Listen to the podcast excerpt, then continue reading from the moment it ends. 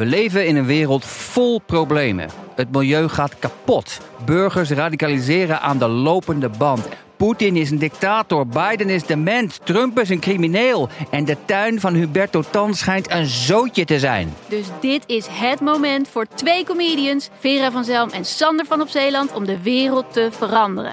Alles moet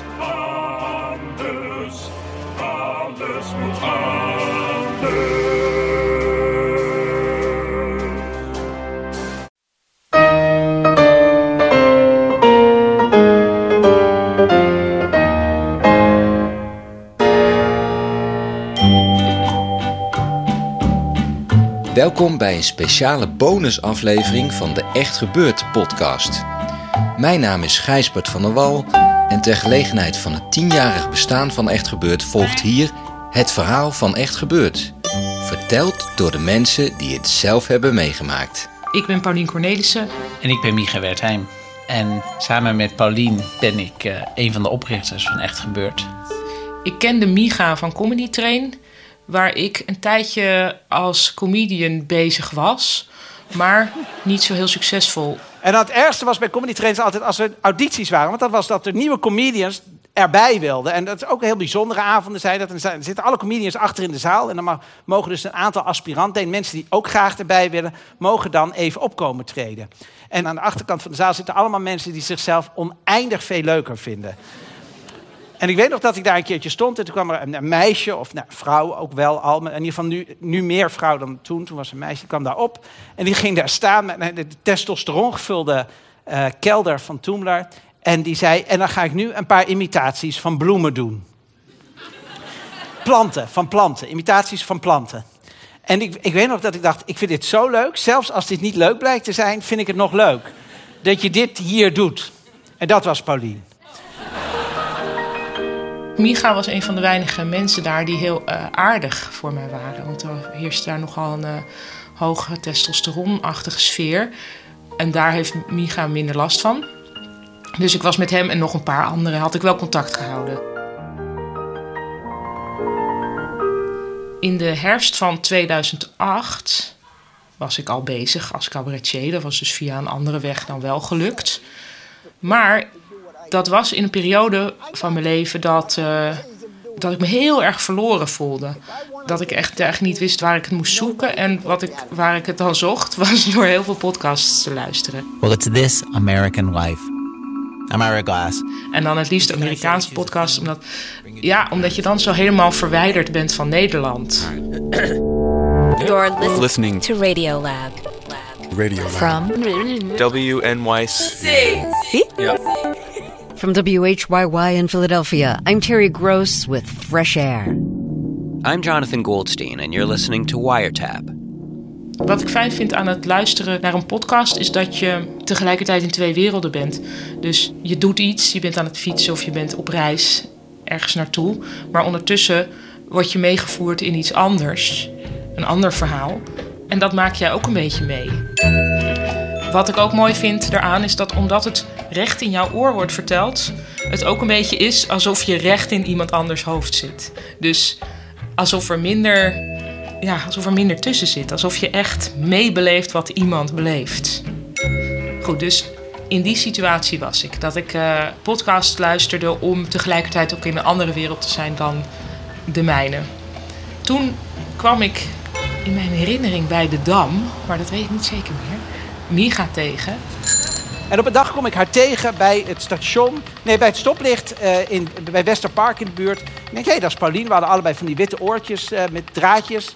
En ik denk, hé, hoe gaat het met jou? Hoe gaat het met jou? En eh, wat ben je aan het doen? Nou, ik ben aan het luisteren naar een podcast van The Moth. The Moth. Dat is eigenlijk de, de Amerikaanse versie van Echt Gebeurd. En daar draai ik het om natuurlijk. Maar waar gebeurde verhalen verteld door mensen die ze zelf hebben meegemaakt. Welcome to the Moth Podcast. I'm Dan Kennedy, and this week on the podcast, we're going to hear three stories all about traveling. Hij was daar ook naar aan het luisteren. Op dat En het heet de Moth, dus het is de mot. De Mot, ja. ehm, het is verzonnen door een man uit het zuiden eh, van de Verenigde Staten... die naar New York is verhuisd. George Dawes Green was een Amerikaanse dichter die vanuit de Midwest naar New York verhuisde. Heel gelukkig was in New York. Maar het enige wat hij miste was mensen die s'avonds laat op een porch in een, in een dorpje waar verder niks gebeurt, urenlang elkaar verhalen vertelden. Omdat iedereen zo druk was met, en bezig en gefocust, dat dat verdween. Dus hij wilde juist de intimiteit van eh, het, het praten met elkaar bij een kaarsje waar motten in vliegen. Dus heeft hij het The Moth genoemd en in New York begonnen. En dat is daar waanzinnig populair geworden. Vrij grote bijeenkomsten. Waarbij er een stuk of vier, vijf vertellers misschien zijn. Die elk een verhaal vertellen. Zo'n avond is vaak uh, rond een thema gecentreerd. En ze hebben daar ook avonden dat iedereen gewoon maar zomaar wat mag vertellen.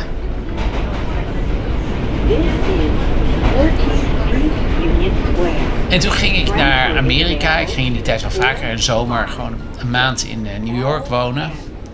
En toen dacht ik, ik wil ze wel eens naar zo'n Moth Story Slam, zoals dat heet, gaan.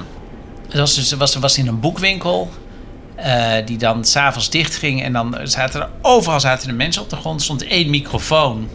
En, en je kreeg opeens gewoon een soort, bloemlezing van verhalen uit de stad. The next stop is 34th Street. Opeens voelde je de energie die je sowieso hebt als je in de metro zit in New York. Dat je denkt, al deze mensen, waar gaan ze heen? Maar opeens hoorde je echt waar ze heen gaan en waar ze vandaan kwamen. Het was natuurlijk een bepaalde doorsnee. Maar het was helemaal niet alleen maar hipsters. Het was wel degelijk ook een politieagent die een verhaal vertelde. En, en een immigrant die als schoonmaker werkte. Maar die, en toen kwam ik erachter dat er een hele scene was van, van storytell avonden in New York. Dat er eigenlijk iedere avond wel een andere plek was waar dat storytelling was. En het klinkt een beetje clichématig, maar ik geloof echt dat zoals de jazz in Amerika in kelders begonnen is. En daarna de stand-up in Amerika in, in kelders begonnen is. Dat storytelling op dezelfde manier is. Dat is nu een gigantische boom, ja, de laatste tien jaar al. Dat als je eigenlijk in iedere stad in Amerika zijn dat soort platforms. Nou, toen kwam ik thuis. En toen dacht ik, ja, dat wil ik ook. En uh, ik wist, in Toomler kan het gewoon, want dat is de, de comedyclub waar ik bij zat, Comedy Train, uh, waar, we nu echt gebeurd opnemen. Toomler, dat is eigenlijk een soort raar keldercafé onder het Hilton Hotel in Amsterdam-Zuid. Het was voorheen een bar waar uh, veel misdadigers kwamen, maar op een gegeven moment is dat overgenomen door Comedy Train en werd het een comedycafé. Toen dacht ik, dit lijkt me heel leuk. Toen kwam ik Paulien tegen bij het stoplicht. We luisterden alle twee naar de Moth. En toen bleek ook dat we alle twee eigenlijk het verlangen hadden dat dat hier in Nederland ook zou moeten komen. Toen zei ik, nou daar ben ik mee bezig. Wil je alsjeblieft meedoen? En ja, dat klikte meteen. Ik denk de reden dat we dat alle twee wilden, was ook omdat we alle twee in het theater werken. Waarbij je natuurlijk een vreemd spel speelt met de werkelijkheid, zeker als cabaretier.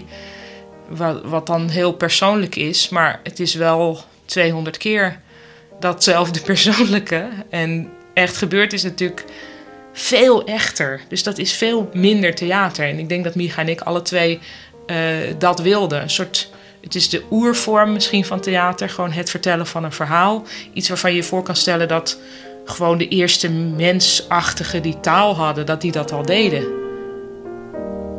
En vanaf dat moment zijn we het eigenlijk iedere maand gaan doen. Negen keer per jaar op een zondagmiddag. Maar in het begin hadden we nog niet zo goed door hoe je dat organiseert. Wat is een goed verhaal? Wat voor mensen moet je wel het podium oplaten? Wat voor mensen moet je niet het podium oplaten? Wat er in het begin misging, is dat we gewoon zeiden van wie wil er een waar gebeurd verhaal vertellen. En dan kwam er wel eens iemand die heel goed kon vertellen en dan een verhaal ging vertellen over iemand die die kende, die een waanzinnig ding had gezien. En dan zat je de hele tijd te denken, ja maar waarom vertel jij mij dit? Wie ben jij dan?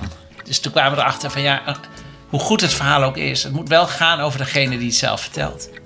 En een ander ding wat misging is dat we een paar keer mensen hebben gehad die echt een heel spectaculair verhaal hadden mij zeiden: Mag ik het alsjeblieft voorlezen? Want ik ben nou eenmaal niet iemand.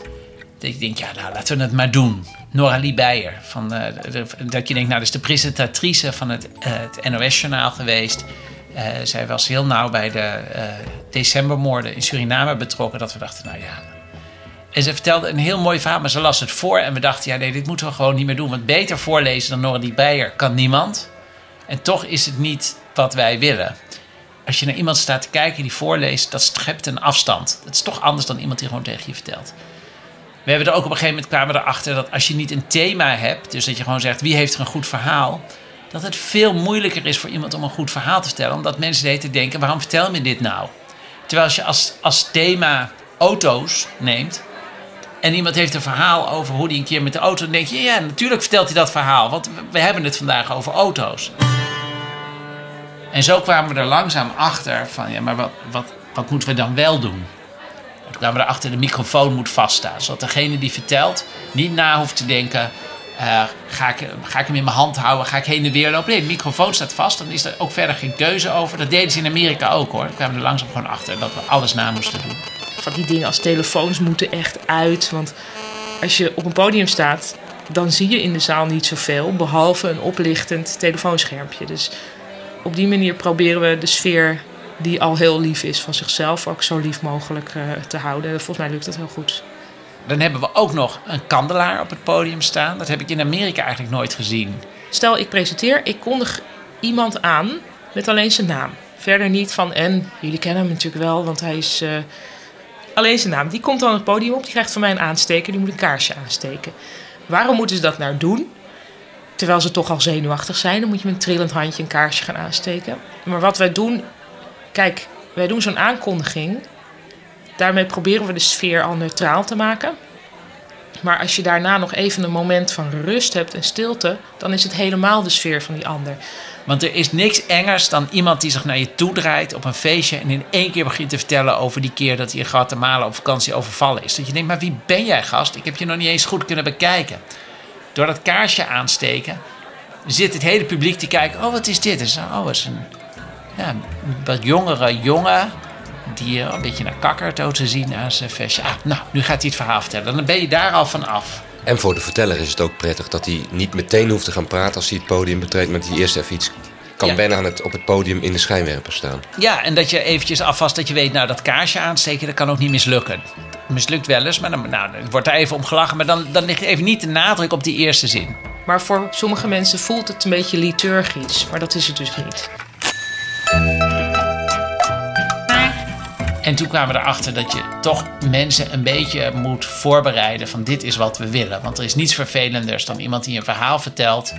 En tijdens het vertellen erachter komt dat hij eigenlijk ook nog niet precies weet hoe het afliep. Of eigenlijk dat het zo emotioneel is dat diegene er nog middenin zit en, en in, in een huilen uitbarst. En of, of dat je als publiek zegt, ja, het is hartstikke duidelijk. Je bent gewoon heel ongelukkig in je relatie. Maar dat de enige die dat nog niet weet, degene is op het podium.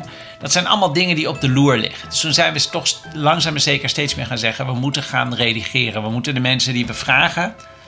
echt van tevoren even goed uithoren... wat is het verhaal dat je wil vertellen. Oké, ehm, En als het nodig is, wat, Ja. wat denk ik driekwart van de verhalen zo is... even kijken. dan moeten we ze ook echt begeleiden. Ja, eigenlijk Jet, wilde ik voorstellen dat jij het gewoon gaat vertellen en dan maak ik een klein beetje aantekeningen. Het zijn ook hele intieme gesprekken. Het is ook wel heel erg leuk. Dat soort gesprekken te voeren met mensen. Maar ook wel een beetje raar, omdat het. Ja, het zijn gesprekken die je eigenlijk voor de rest alleen maar zou hebben als je met iemand in therapie bent. Of als je zwaar verliefd bent op iemand. Dat je, dat je, dat je, dat je alles gaat vertellen aan iemand. zie je haar en dan is het erg dat je nog steeds wel iets begrijpt van je gedrag toen. Want ik, ik, kan- ik, kan het, ik kan het natuurlijk echt niet aan. Ik moet bijna steeds huilen als ik überhaupt eraan denk. Ik vind het echt verschrikkelijk. Alleen, ik, ik, ik snap nog steeds dat ik dat in een soort hele vrede, experimentele versie van mezelf zo ver heb laten komen. Ja. Ik ben Jet Berghout en eh, ik ga een verhaal vertellen bij het Echt Gebeurd Gala. Over een vriendschap van de basisschooltijd. Begin maar. Geen excuses. Oké. Eh, ik was in gesprek met een collega toen ze mij ineens onderbrak en zei: Weet je wat ik heb ontdekt? Jij hebt in de klas gezeten met mijn beste vriendin, Bibi. En zodra ik de naam Bibi hoorde, voelde ik dat ik rood werd. Bibi was een klasgenootje die altijd geloken ogen had, alsof ze nooit uitgeslapen was. Ze had vettig haar, wat altijd in een lijzige staart in haar nek hing. En als ze praatte had ze altijd speeksel in haar mondhoeken. En een kraak in haar stem, alsof haar stembanden verroest waren. Bibi was niet zo populair in de klas. Ik was ook niet zo populair, maar ik wist wel dat ik de meerdere was van Bibi. En ik herinner me nog dat ik één keer bij Bibi thuis was en me toen verbaasde over het fantastische speelgoed dat zij had. Ze had namelijk alle mogelijk denkbare Barbies en het Barbie kasteel. En dat het me stak omdat ik dacht, hoe bestaat het dat iemand aan wie ik superieur ben toch zulk prachtig speelgoed heeft? Bibi leek het nooit heel erg te vinden dat ik haar vooral paaide als het mij goed uitkwam. En dat Jet heeft natuurlijk een heel erg, uh, wat ik heel knap vind, zij ons ziet zichzelf totaal niet. Maar ik denk eigenlijk dat als ze zichzelf, als ze iets meer zelfempathie zou hebben in het verhaal, dat het verhaal eigenlijk nog ten goede zou komen. Dus dat heb ik wel tegen haar gezegd. Ik vind het fijn om te zien dat iedereen, net als ik, altijd weer verrast is door wie die zelf is. En hoe complex de wereld is. En hoe je altijd weer bij moet stellen wie je dacht dat je bent en wie je eigenlijk blijkt te zijn. En hoe je veranderd bent. En, uh, ik zag dat die middag Bibi met mij wilde oplopen. En ik deed alsof ik Bibi niet zag. Het liefst hebben we natuurlijk verhalen van anti-helden. Want een heldenverhaal is niet zo interessant. Maar zodra de anti-held het verhaal vertelt, is hij daarmee toch wel een held. Zet je iets van jezelf op het spel? Gaat het over jou? Want het is een sterk verhaal dat niet oprecht verteld wordt, dat voelt altijd naar. Dat je denkt, ja, deze persoon wil eigenlijk opscheppen. Je maakt een soort van kunstwerkje ook van je eigen gebeurtenis. Dus je ja, in die zin komt het los van jezelf. En dat is volgens mij ook de therapeutische werking. Zeg maar dat je ineens jezelf gaat zien. Zo, oh ja, dit dit deed ik toen.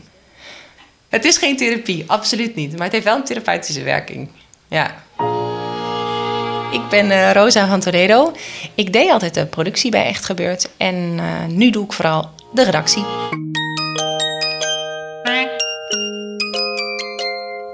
In het begin zijn, hebben Pauline en ik toen eigenlijk vooral onze vriendenkring totaal uitgezogen. Van mensen die we kennen, wil jij een verhaal vertellen, familieleden. Overal, en dat doe ik nog steeds hoor, mensen waar ik tegenkom. Dan zou jij niet een keertje bij ons een verhaal willen vertellen. Natuurlijk ook wel comedians die je kende, maar dan moest ik uitleggen. Het gaat dus niet om comedy. En dan bleek heel veel het heel eng te vinden eigenlijk als ze, als ze dat niet mochten doen. Um, maar we kwamen er gewoon na, na, na een paar jaar achter dat we A, onze vriendenkring ongeveer wel helemaal hadden leeggezogen. Maar ook dat we het niet aankonden als we dan op zoek moesten naar. Liefst wilden we mensen die uit een wereld kwamen die niet de onze was. Bijvoorbeeld een ambulancebroeder of een politieagent. Dus toen kregen we steun uh, van Rosa van Dijk. Dat was de eerste, die deed productie en een beetje redactie. Die zocht dan wel eens iemand die een verhaal wilde vertellen. En toen kwam uh, Eva Maria Staal erbij. En die had weer een heel groot netwerk van mensen die zij kende. Die had een heel goed neusje voor mensen met een goed verhaal. En inmiddels hebben we Rosa van Toledo en Maarten Westerveen. Die eigenlijk heel veel redactie doen. En redactie is dus deels inmiddels het reageren op mailtjes van mensen die zich aan hebben gemeld. Gewoon via de website kan je zeg maar je verhaal intypen. Of mensen hebben onze e-mailadres intussen. Maar het is ook altijd nog zoeken naar iemand die nog nooit van echt gebeurd heeft gehoord. Iemand die er bijvoorbeeld beroepsmatig iets met dat thema te maken heeft. Dus iemand die niet per se zelf denkt: oh, dat verhaal wil ik vertellen, maar iemand die ergens uitkomt. Een voorbeeld is Oorlog en Vrede. We hadden twee mensen uit het leger. De ene ken je wel, denk ik, dat is Jous Muller. Dat is natuurlijk een verteller, want die heeft ook geschreven en die, die vindt dat leuk om te doen. Um, maar Maarten Westerveen, onze redactielid, die heeft ook iemand gezocht uh, ja, een getraumatiseerde veteraan die die toch een verhaal heeft laten vertellen. En dat vind ik wel heel belangrijk, dat, uh, dat je dus ook zoekt in groepen die zichzelf niet aanmelden.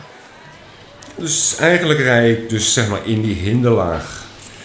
Die mensen die, die zijn van plan zeg maar, die vrachtwagen te plunderen. Dus ik zit naast die soldaat die rijdt en... Uh, ja, ik doe dan de kogelvrij vest aan. Ik doe het magazijn in mijn Uzi en zet hem op safe. Kraagje omhoog van de kogelvrij vest. Helm op. Voor iedere echt gebeurd gemiddeld doen Pauline en ik allebei nog wel één verteller. En ik blijf ook wel mensen in mijn omgeving lastigvallen. En het is niet makkelijk om mensen te vinden die het kunnen. Ik moet zeggen dat zowel Rosa als Maarten kunnen allebei ook zelf goed een verhaal vertellen. Er staan ook verhalen van hun op de podcast. En daar begint het eigenlijk wel mee. Als je het zelf al niet durft te doen, dan kan je ook niet iemand anders leren hoe je het moet doen. Dus die mensen zijn er, die verhalen zijn er. Dan kijken we op grond van een korte synopsis van dat verhaal of het wat is. En als het iets is, dan gaan we uh, ermee in gesprek met zo iemand. die verhalen verdelen we meestal over Maarten en ik. Uh, Pauline en Micha die hebben meestal hun eigen vertellers. En soms uh, spreekt een verhaal me meer aan dan een ander verhaal. Uh, of Wat is typisch een verhaal voor jou? Waarbij iemand iets doms doet. Ja. En wat is typisch een verhaal van Maarten? Maarten houdt wel van verhalen. Ja, ik zit even te denken naar zijn laatste verhalen. Vertellers. Hij houdt ook heel erg van de vertellers zelf. Altijd. Dus hij heeft een heel veel eh, liefde voor ehm, een persoon. Ja. Voor mij is dit echt het ergste moment. Want ik moet nu, ik ben nu een soort vader die zijn zoontje het veld op laat rennen. Voor de eerste keer. En dan hoop je maar dat het goed gaat. Maar ik sterf nu duizend doden. En ik weet niet waarom. Het is heel pathetisch. Eigenlijk ben je nerveuzer dan je Ja, vertellers. veel, veel. Ik ben ook nerveuzer eigenlijk dan als ik zelf moet vertellen. Goedemiddag. Goedemiddag. Ja, is helemaal goed. Oké, bedankt. Joris begint straks, Rogier die moet ook. Ja, hij, hij loopt nu het veld op en dan moeten we maar kijken dat het goed gaat. Ik ben eh, Rogier Jacobs en ik ga vanmiddag een verhaal vertellen bij eh, Echt Gebeurd. Ehm, dit is de eerste keer dat ik een, eh, dit verhaal eh, ga vertellen voor een eh, publiek, voor een uitverkochte zaal. Ik heb me redelijk goed voorbereid. Je wordt begeleid namelijk door iemand, dat is heel fijn. Want je denkt dat je een goed verhaal hebt, maar iemand kan het altijd beter maken. En dat was heel interessant om te, om te doen. Samen een verhaal verbeteren en daardoor denk ik dat het mooier klinkt en interessanter is. Het is een verhaal dat ik vaak in de kroeg vertel. En nu moet ik het in één keer ook in een kroeg vertellen, maar in één keer allemaal mensen die ik niet ken. Dus dat is wel een beetje spannend. Ik zweet me ook eh, helemaal eh, in het ronde. Ja, en nu moet je toch echt ook komen ook. Ik moest als eerste. Nee, je bent de tweede geloof ik. next. Maar je gaat het zo horen. Maar je moet op, je gaat eh, samen met de rest. Het is heel spannend, want bij een verhaal krijg je niet zo snel een reactie of zo. Het is niet een heel, heel grappig verhaal of zo. Dus ik weet niet hoe men gaat reageren. Of ze het leuk vinden of niet, dat heb je helemaal niet door dan. Dus ik beeld gewoon me in dat, het heel erg, dat iedereen het heel leuk gaat vinden. Als ze stil zijn. Ja, ga er maar lopen trouwens, want ze hebben je nodig. En dan verzamelen alle vertellers ongeveer vijf voor vier. En dan geven ze een jel. Even kijken, maar is Rogier er nou? Ja. Goed, we gaan zo direct eh, beginnen met middag. Ten eerste heel fijn dat jullie er zijn en dat jullie dit willen doen. Ik neem aan dat jullie het eh, spannend vinden. Dat vind ik ook altijd. Ten eerste even heel praktisch ga ik de volgorde doornemen. Joris, we wilden jou vragen te beginnen. Ehm, daarna PP. En dan eh, komt Barbara uit haar dagboek voorlezen. Puberdagboek. Eh, jij wordt als enige gezenderd, dat weet je al. Hè? Dus dat gebeurt van tevoren. En je- ik zet een tafeltje voor jou neer, jij gaat zitten. Ja, Paulien kwam eigenlijk met het idee om ook een puberdagboek voor te laten lezen bij Echt Gebeurd. Ik kende dat helemaal niet. Het bleek ook een podcast te zijn, Mortified. En er zijn ook filmpjes van. Maar ik vind het een hele waardevolle aanvulling van de middag. Eigenlijk om, om twee redenen. Allereerst is het fijn dat er behalve die verhalen nog iets anders gebeurt. Dat breekt gewoon een beetje altijd van... Oh, en nu eventjes iets anders. Altijd lekker qua dynamiek. 5 maart 2000. Maar het is ook zo, denk ik, dat het bijzondere van een puberdagboek is dat een puber een ander beeld heeft van zichzelf dan wij van die puber hebben. En dat die puber daar de regie nog niet helemaal over heeft. En ik heb haar ook als het ware gevingerd. En dat is, dat is precies de kracht van een goed verhaal. Dat je erachter komt. Ik dacht altijd dat, dat ik heel erg laf was. Maar toen kwam puntje bij paaltje, toen was ik heel stoer. Of andersom. En dat is in een goed verhaal. En in, in zo'n puberdagboek zit dat per definitie ingecalculeerd. Vandaag op de fiets vroeg ze me wat het voor mij betekende. Ze vertelde me dat ze mij als meer zag dan een vriend, maar dat ze ook onze vriendschap niet wilde verpesten. Ook vertelde ze dat ze de hele dag als een onbewuste dwang naar me moest kijken. En ook als ik een vriendin kreeg, dat ze dan erg jaloers zou zijn. We hebben besloten vrienden te blijven. Ik had eigenlijk het idee dat als ik gezegd had dat ik meer wilde, dat zij het dan ook wel had gewild. Ja. Dus eigenlijk nu het zo leest. en, ja, puber probeert natuurlijk van alles te verhullen, ook in zijn dagboek. Maar het kan niet, de, de waarheid komt er zo ontzettend doorheen. En als degene die dat zelf heeft opgeschreven dat ook nog voorleest, die herkent zichzelf er natuurlijk ook in. Nog steeds. Dus er zit, het, is een, het is, je gaat behoorlijk met je billen bloot als je dat doet. Ehm, en daarom past het wel bij echt gebeurd. Omdat een verhaal vertellen is ook wel echt iets van jezelf laten zien. Het lijkt of heel de wereld tegen mij is gekeerd. Volgens mij ben ik de enigste op de wereld die zo ontzettend veel nadenkt. In drie maanden tijd ben ik zoveel veranderd. Het liefst zou ik me anders gaan kleden. Maar mijn klas moet nog wennen aan het idee alleen al. En dan zie je ook nog degene die het voorleest. En in een podcast hoor je iemand en dan voel je, oh ja, dat is, het is allemaal goed gekomen. Diegene is gewoon echt iemand geworden. Nou, oké. En dan, Ja, ja, nee, dat is waar. Ja, dat en dan is het pauze en daarna gaat Rogier. Dat is Rogier. Ehm, en dan als één na laatste komt Peter. Hey. En eh Tex die sluit af als je het goed vindt. Eh, wat belangrijk is, eh, als je een verhaal gaat vertellen, is dat je hebt het natuurlijk voorbereid. Het kan heel goed dat je iets vergeet, omdat, omdat het toch spannend is om op het podium te staan. Niemand vindt dat erg. Je kan gewoon zeggen, oh, nou vergeet ik helemaal te vertellen dat, dit of dat. Of het vervliegt gewoon. Als je gewoon onder vrienden een verhaal vertelt, zit je, heb je ook niet in je hoofd van, oh, maar als ik dat niet heb verteld, dan is het mislukt. Dus ga er maar vanuit dat je iets vergeet en dat is dan maar zo. Eh, de mensen die zijn altijd heel lief en aandachtig en die willen heel graag horen wat je te vertellen hebt. Ze weten ook allemaal dat, dat niet iedereen eh, professioneel op een podium staat eh, in het dagelijks leven. Ehm, vergeet ik verder nog iets te zeggen? Stel geen vragen. Oh ja, geen vraag stellen aan het publiek. En liever niet refereren aan andere eh, verhalen. Zo van, nou ja, eh, PP zei het net ook al. Eh, want dat, is- dat, het verhaal is waar het om gaat bij ons. En de microfoon ongeveer een vuistje van je mond. Dus niet te veel terugtrekkende bewegingen proberen te maken. That's it, toch? Ja, probeer vooral te denken dat het leuk is. Probeer dat nou te denken. Het is, het is, het is, geen, het is, het is niet iets wat je eh, goed moet doen. Het gaat om het verhaal en daarvan gaan we genieten. Sorry. Jee, oké. Nou, veel plezier allemaal. Wat ik denk, wat ook de charme is van Echt Gebeurd. Het, is, het ontstijgt het ehm, community theater, zeg maar. Het heeft als doel echt entertainment. En het heeft niet het doel om een gemeenschap te maken of zo. Het heeft, is ook een doel, zeg maar. Want we, we willen graag juist dat er mensen naar elkaar gaan luisteren. En dat, ik bedoel, er is een soort van echt gebeurd gemeenschap, denk ik. Maar het heeft niet... Het is ja, amusement. Mensen betalen voor een kaartje. Dus het moet een, moet een mo- mooie middag zijn. Goedemiddag waarvoor je betaalt en je bed uitkomt om vier uur. Zondag. Er vertellen mensen die verder niet vertellen, maar het is niet een amateuristische middag.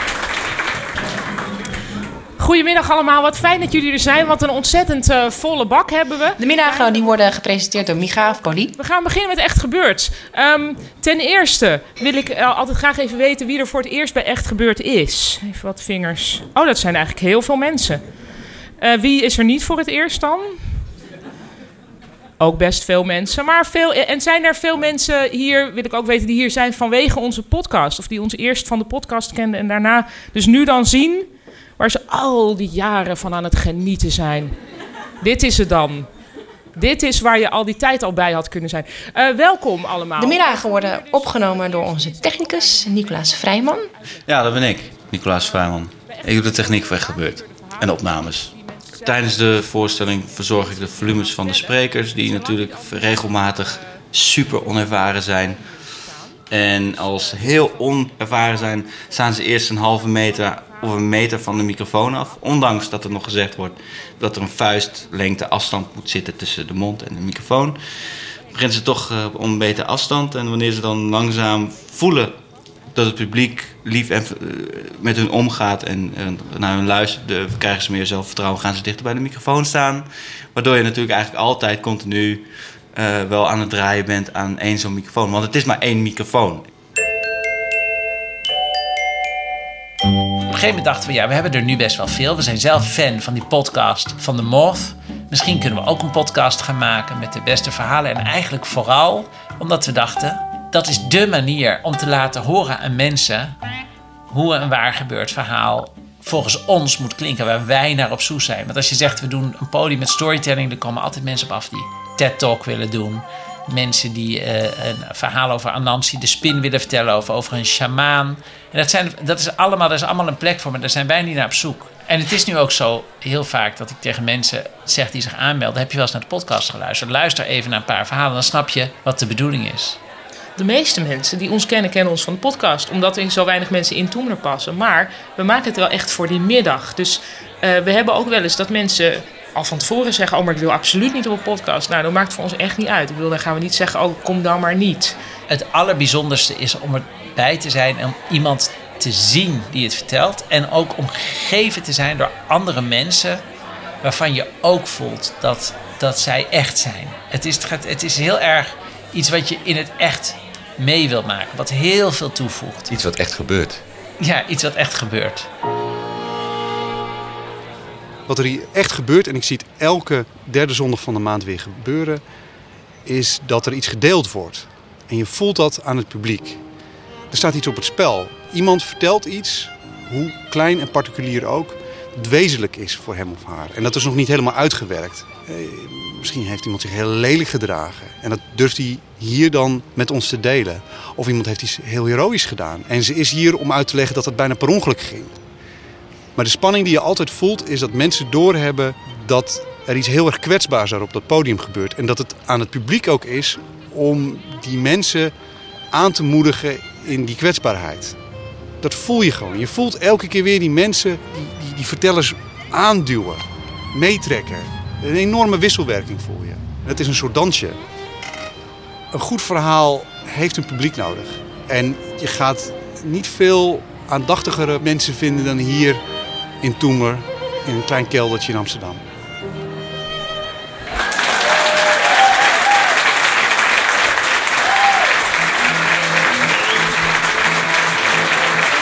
Ja, Rogier Jacobs. Ik zit erop, Rogier. En hoe was het? Het is voorbij gevlogen. Het gaat heel snel en het is een soort van trance waar je in komt. En dan vertel je een verhaal en dan is het op een gegeven moment afgelopen en dan weet je niet hoe het is gegaan. Dat ging heel goed. van je. Ja, Heel leuk? Goed zo. Ja, echt leuk. Nou, het ging goed, dus hoor je dat? Bravo, Hans. Juist. Goed gedaan, Dankjewel. jongen. Dank je. Leuk. Wat ik merkte is dat het verhaal dat ik soms dat ik hoopte op een lach. En dat ik daarna aan toe het werken was. En op het moment dat die eerste lach er was, dat ik toch een soort van dacht: oké, nu word ik ontspannen. Mensen vonden het al even leuk, dus nu kan het doorgaan. Dus het lijkt me heel moeilijk om een verhaal te vertellen wat, waar geen grappen in zitten. Ik zou er altijd een grap in zetten. Heel veel trucjes die door managers worden gegeven zijn van eh, maak een grapje aan het begin. Terwijl ik heel vaak het idee heb, nee, als je een grapje maakt aan het begin, denkt het publiek, oh hij wil dat we om zijn grapjes lachen. En dan raak je hem kwijt. Maar ja, dat moet je eigenlijk aan Rosa vragen. Die eh, geeft die cursus. Ik geef ook de vertelcursussen bij Echt Gebeurd en bij, eh, bij Crea nu ondertussen al een paar jaar. En de mensen die dus die workshops, cursussen volgen, die kennen Echt Gebeurd. Vaak, niet altijd. Soms zijn het mensen die vanuit hun werk bijvoorbeeld beter moeten praten omdat ze niet kunnen praten. Of denken vooral eigenlijk dat ze niet kunnen praten, want dat kunnen ze eigenlijk allemaal wel. Of ze willen zelf eh, een goed verhaal ergens kunnen vertellen. Bijvoorbeeld voor- bij een bruiloft of wat dan ook. Of bij gebeurt zelf. Of mensen die al goed zeg maar, verhalen kunnen vertellen, maar die dat nog beter willen doen. En dan echt zeg maar, als performer bijna willen gaan vertellen. En ja, ik help ze daarbij. Ik leer ze over de structuur van verhalen. Ik leer ze over hoe je kan beginnen met verhalen, hoe je kan eindigen. Er zijn allemaal trucjes voor. Eigenlijk laat ik een heleboel trucjes zien. Dat is het eigenlijk.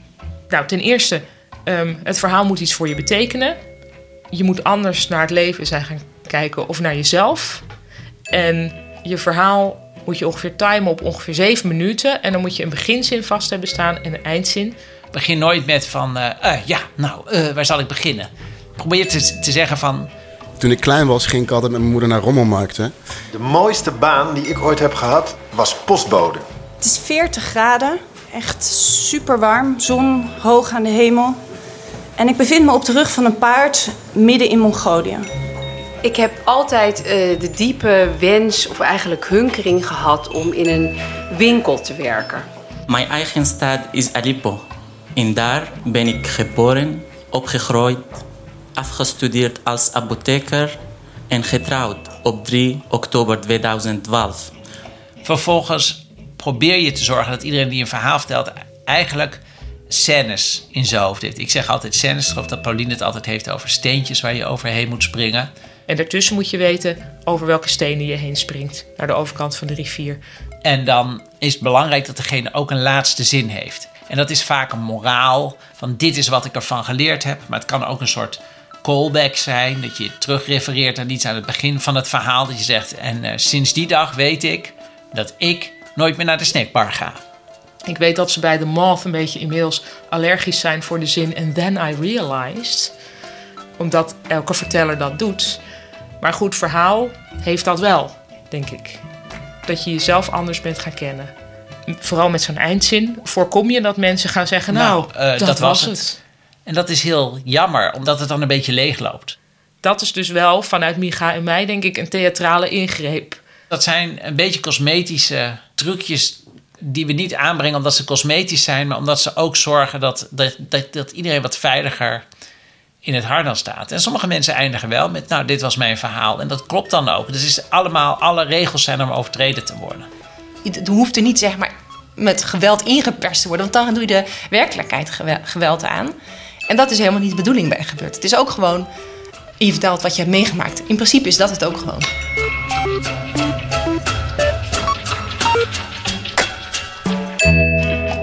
Goede verhalen overkomen mensen die goed weten hoe je een verhaal vertelt.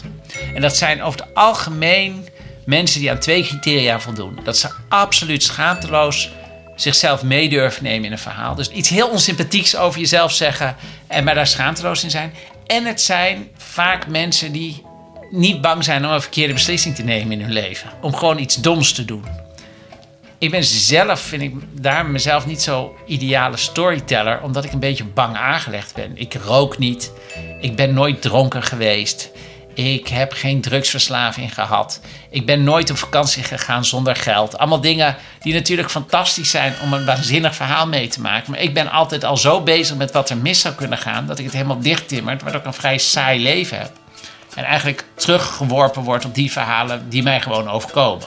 Kanker krijgen, ja, nou ja, goed, dan heb je een goed verhaal. Dat, Ehm, Maarten van onze redactie is dus iemand die ja, wat meer risico's durft te leven, nemen in het leven. Die ook wel eens wat te veel drinkt en wat te lang blijft hangen. Ik ben ook altijd, ik ga altijd vrij op tijd naar bed. Dat is ook niet handig. De beste verhalen gebeuren natuurlijk s'nachts.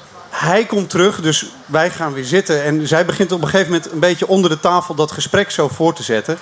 Ehm, op een gegeven moment begon hij iets door te krijgen. En hij haalde uit. En ik wist nog net een beetje naar achter te komen. En hij stond dus, ja, what you do with my girlfriend. En opeens sta ik tegenover zo'n kleine, magere, bijna 70-jarige... die klaar staat om mij in elkaar te slaan. Dus ik denk die twee dingen heel belangrijk zijn. Dus dat je persoonlijkheid hebt die dingen durft verkeerd te doen. Maar het allerbelangrijkste is dat je jezelf meeneemt in je verhaal. En dat je dus niet je verhaal vertelt om te laten zien hoe slim of hoe cool of geslaagd je bent. Wat natuurlijk eigenlijk in het bedrijfsleven altijd gebeurt. Want storytelling is natuurlijk een heel vergiftig begrip geworden nu, omdat in de reclamewereld iedereen ook zegt: een, brand moet een story tellen en een CEO moet een story tellen. Maar dat zijn natuurlijk altijd hele ongevaarlijke verhalen, omdat ze helemaal zo worden verteld, omdat ze een reputatie moeten beschermen. Terwijl bij ons de verhalen idealitair worden verteld om je eigen reputatie kapot te maken. Vanuit het idee dat de reputatie ook een harnas is. Dus als je hem een beetje openbreekt, dat je wat vrijer bent. En dat merk je ook bij het publiek. Eigenlijk, hoe schaamtelozer mensen iets vertellen, hoe eh, minder schaamte er eigenlijk nodig blijkt te zijn. Omdat iedereen dan zegt, ja, ja, dat, dat herken ik wel.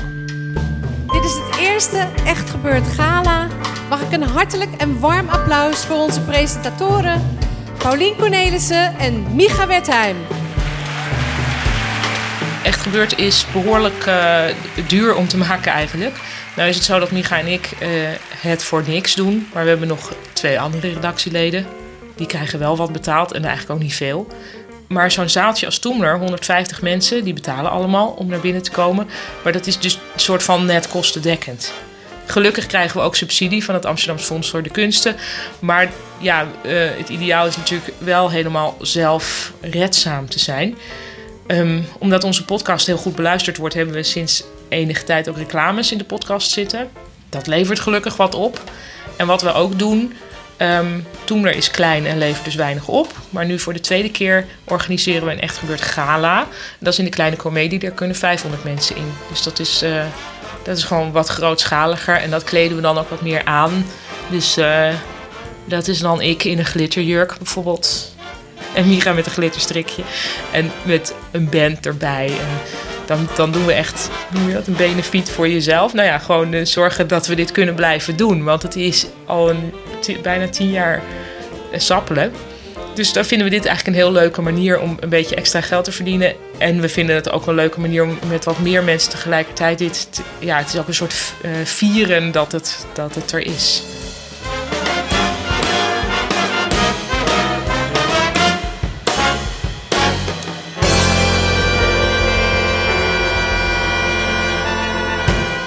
Twee dagen later zei onze meester: Jongens, er komt weer een overhoring topografie aan. De wateren van Nederland. Bibi had mij al een tijdje vermeden. Maar ik ging naast haar zitten en na enig aandringen schoof ze op. Ze opende haar boek en ze overhoorde me net zo lang tot ik het van buiten kende. En toen we de overhoring terugkregen, had zij een 9 en ik een 10. Daar dacht ik aan. En er kwam een dienblad met bitterballen voorbij. En ik dacht, oh ja, we zijn op een borrel. En ik keek onderzoekend naar de collega, speurend hoe ze naar mij keek. En nog voor ik woorden had gevonden, pakte ze mijn arm en toen zei ze: Zo leuk dat ik je nu zie. Bibi zei nog: Doe expliciet de hartelijke groeten aan Jet.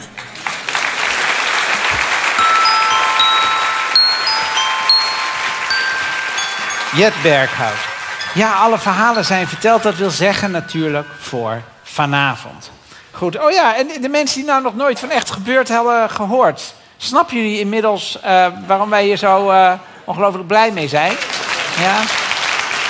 Kijk, maar het is altijd weer spannend. Wie, wie komt er een verhaal vertellen? En dan heb je een dag voor dat, het zondag is. En, en, dan belt er iemand op die dan niet kan. En dat je denkt, nou, ik weet niet of je niet kan. Misschien durft hij ook niet. En dan zitten wij opeens met een probleem. En wie wil er een verhaal vertellen? En dan bellen we weer rond. En dan, eh, vlak voordat het begint, hebben we er eigenlijk allemaal geen zin meer in. En denken we, ja, dit is te veel werk. En dan begint de eerste verteller zijn verhaal te vertellen. En dan denken we, ja, het is toch wel heel erg leuk. En na de laatste denken we, dit moeten we blijven doen. Ik denk dat nu, in deze tijd, wij gewend zijn om alles, alle informatie te krijgen via een journalistieke manier. Dus er heeft een journalist tussen gezeten. Of het is aan een, eh, in een talkshow, aan een tafel. Of er is een deskundige die er iets over zegt. En wat je eigenlijk bijna nooit hebt, is dat het iemands eigen versie is van het verhaal dat je hoort. En ik denk dat dat wel waardevol is. Dat je dus ja, dat je je verhaal kunt doen zonder dat je er eigenlijk na twee zinnen al op afgerekend kan worden. Het is wel intimiderend voor mensen om het te doen. Bijna niemand denkt, oh ja, prima, dat doe ik even. Maar veel meer verschillende soorten mensen eh, doen dit toch. Terwijl, wat was nou vroeger? Als je nou echt iets wilde op een podium... Ja, dan moet je dus een open podium gaan doen. Of je moet stand-up comedy gaan doen. Of iets, een of andere theatervorm. Dat zijn allemaal heel erg uh, haantje de voorste-achtige ambities. Terwijl er ook heel veel mensen zijn die misschien dat niet maar wel denken van, maar ik heb dit meegemaakt en ik wil dit wel vertellen. En dat vind ik altijd bij Echt Gebeurd heel opvallend en leuk. Dat als je het vergelijkt met stand-up comedy, dat is voor een heel groot deel zijn dat mannen tussen de 20 en de 40. Uh, hetero mannen tussen de 20 en de 40. En bij ons zijn er heel veel vrouwen die vertellen en ouderen en jongeren. Het, het is een veel diverser aanbod aan vertellers. En dus ook een diverser aanbod aan verhalen. Dus ook, ja. En dat, als dat maar eens gehoord wordt, dat is toch fijn. Nou, nou de dingen als 15.000 uh, luisteraars uh, die, die een podcast luisteren. Steeds meer mensen die in de zaal zitten wanneer Micha vraagt... wie komen er aan de hand van het luisteren van de podcast? En mensen die hun hand opsteken, dat het, dat er zoveel zijn... dat ik denk van, jezus, die luisteren allemaal naar de podcast. Dat vind ik gewoon heel tof. Je maakt gewoon iets relevants. En dat, dat, uh, dat is voor mij hoe ik het doe. Want het leven is toch één grote... Ja, ik bedoel, we leven hier nog best wel in een samenleving dat je veel te kiezen hebt. Maar voor een groot deel overkomt alles je maar. En ben je, zit je gevangen in de beperkingen van je eigen leven. Zodra je een verhaal vertelt, dat is een soort klein deurtje dat open gaat naar iets waarin jij de baas bent. Iedereen probeert natuurlijk wel op zijn eigen manier de een of andere orde in de chaos aan te brengen. To make sense of it all. En een verhaal is, omdat we zo altijd met taal bezig zijn in het gewone leven, is het een manier van, van betekenis geven die voor veel mensen wel haalbaar is. En meestal zie je ook dat als mensen dan van het podium komen, dan zijn ze een beetje high. Die pupillen zijn wat wijder en En je ziet dat er zit een heel ander soort energie in dan voor het verhaal. Die zijn high van die aandacht, van die, die volkomen onversneden toegewijde aandacht. En dat is een van de mooiste dingen om te zien. Aan het einde van zo'n middag schrijft een van ons een verslag over de middag. Dat verslag gaat dan weer in het archief, maar in dat verslag zit ook eigenlijk per verhaal of zo'n verhaal geschikt achten voor de podcast. Als de rest het daarmee eens is, dan wordt de verteller gecontacteerd van hey, zou je dat leuk vinden om op de podcast te komen? Want let wel, in plaats van dat je het dan aan 150 mensen vertelt, vertel je het aan vele tienduizenden mensen. Ehm, nou, als iemand dat wil, dan komt dat in een soort wachterij te staan. En op een gegeven moment, eens in de twee weken, komt die podcaster. Dus dan ineens is dat verhaal niet meer in de middag. Maar is dat na de inmiddels beroemd geworden tune van Matt Wijn. Tam, ta, tam, ta, tam, ta, tam. Die heeft Matt Wijn gemaakt.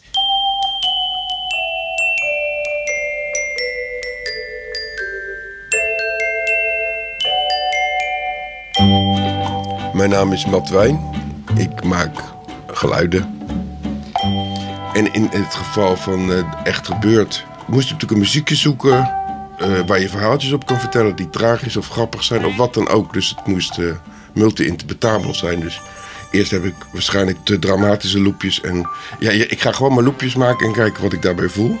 En op een gegeven moment vond ik het loopje voor Echt Gebeurd.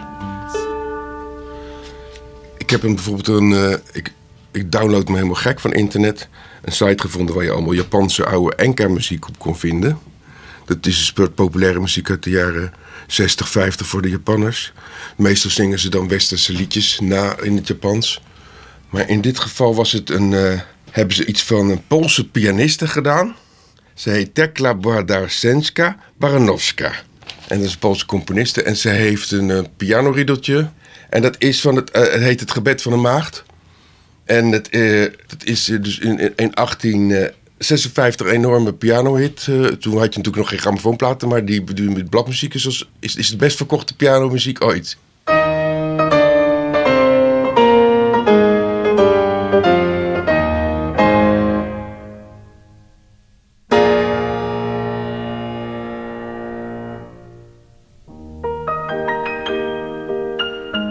Wordt ook door een heleboel country- en western orkestjes gedaan. Dus je kan het ook op allemaal 78 toerenplaatjes vinden. En dan is het I Made a Sprayer.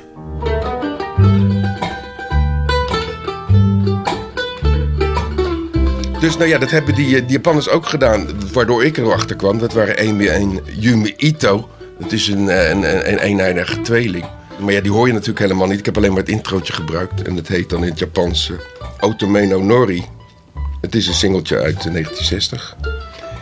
Maar het grappige is weer dat die twee Japanners, de, de, de Peanuts, de, de zusjes Ito... voordat ze gaan zingen hebben ze nog twee maten met een melodietje. Dat zit niet in de originele compositie van Tekla. En die twee maten, dat is dus dat riedeltje wat na het xylofoontje komt. En dan gaan de Japanse vrouwtjes zingen.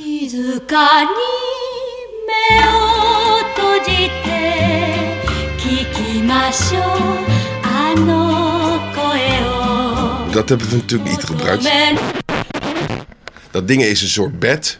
Dat is nee, het geraamte van het verhaal. En dan kan je natuurlijk allemaal anekdotes met losse instrumenten overheen gooien. Eigenlijk zijn er dus maar twee maten die je voortdurend herhaald hebt. Ja, je hoort steeds twee maten. En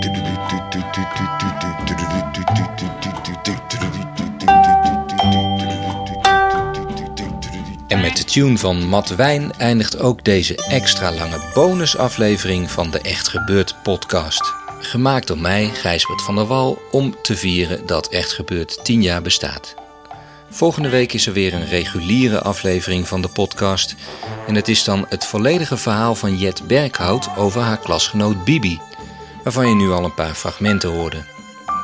Op www.echtgebeurd.net vind je een heleboel oude afleveringen, een donatieknop die het je makkelijk maakt om Echt Gebeurd financieel te steunen en natuurlijk een formulier waarmee je jezelf of iemand anders kunt opgeven om een verhaal te komen vertellen. Want vergeet niet, Het is ook gewoon, je vertelt wat je hebt meegemaakt. In principe is dat het ook gewoon. Ja, en er komt ook nog achteraan dat de iemand blaast de kaars ook weer uit. Dan hoor je nog de, het uitblazen van de kaars. Dat is het echte einde.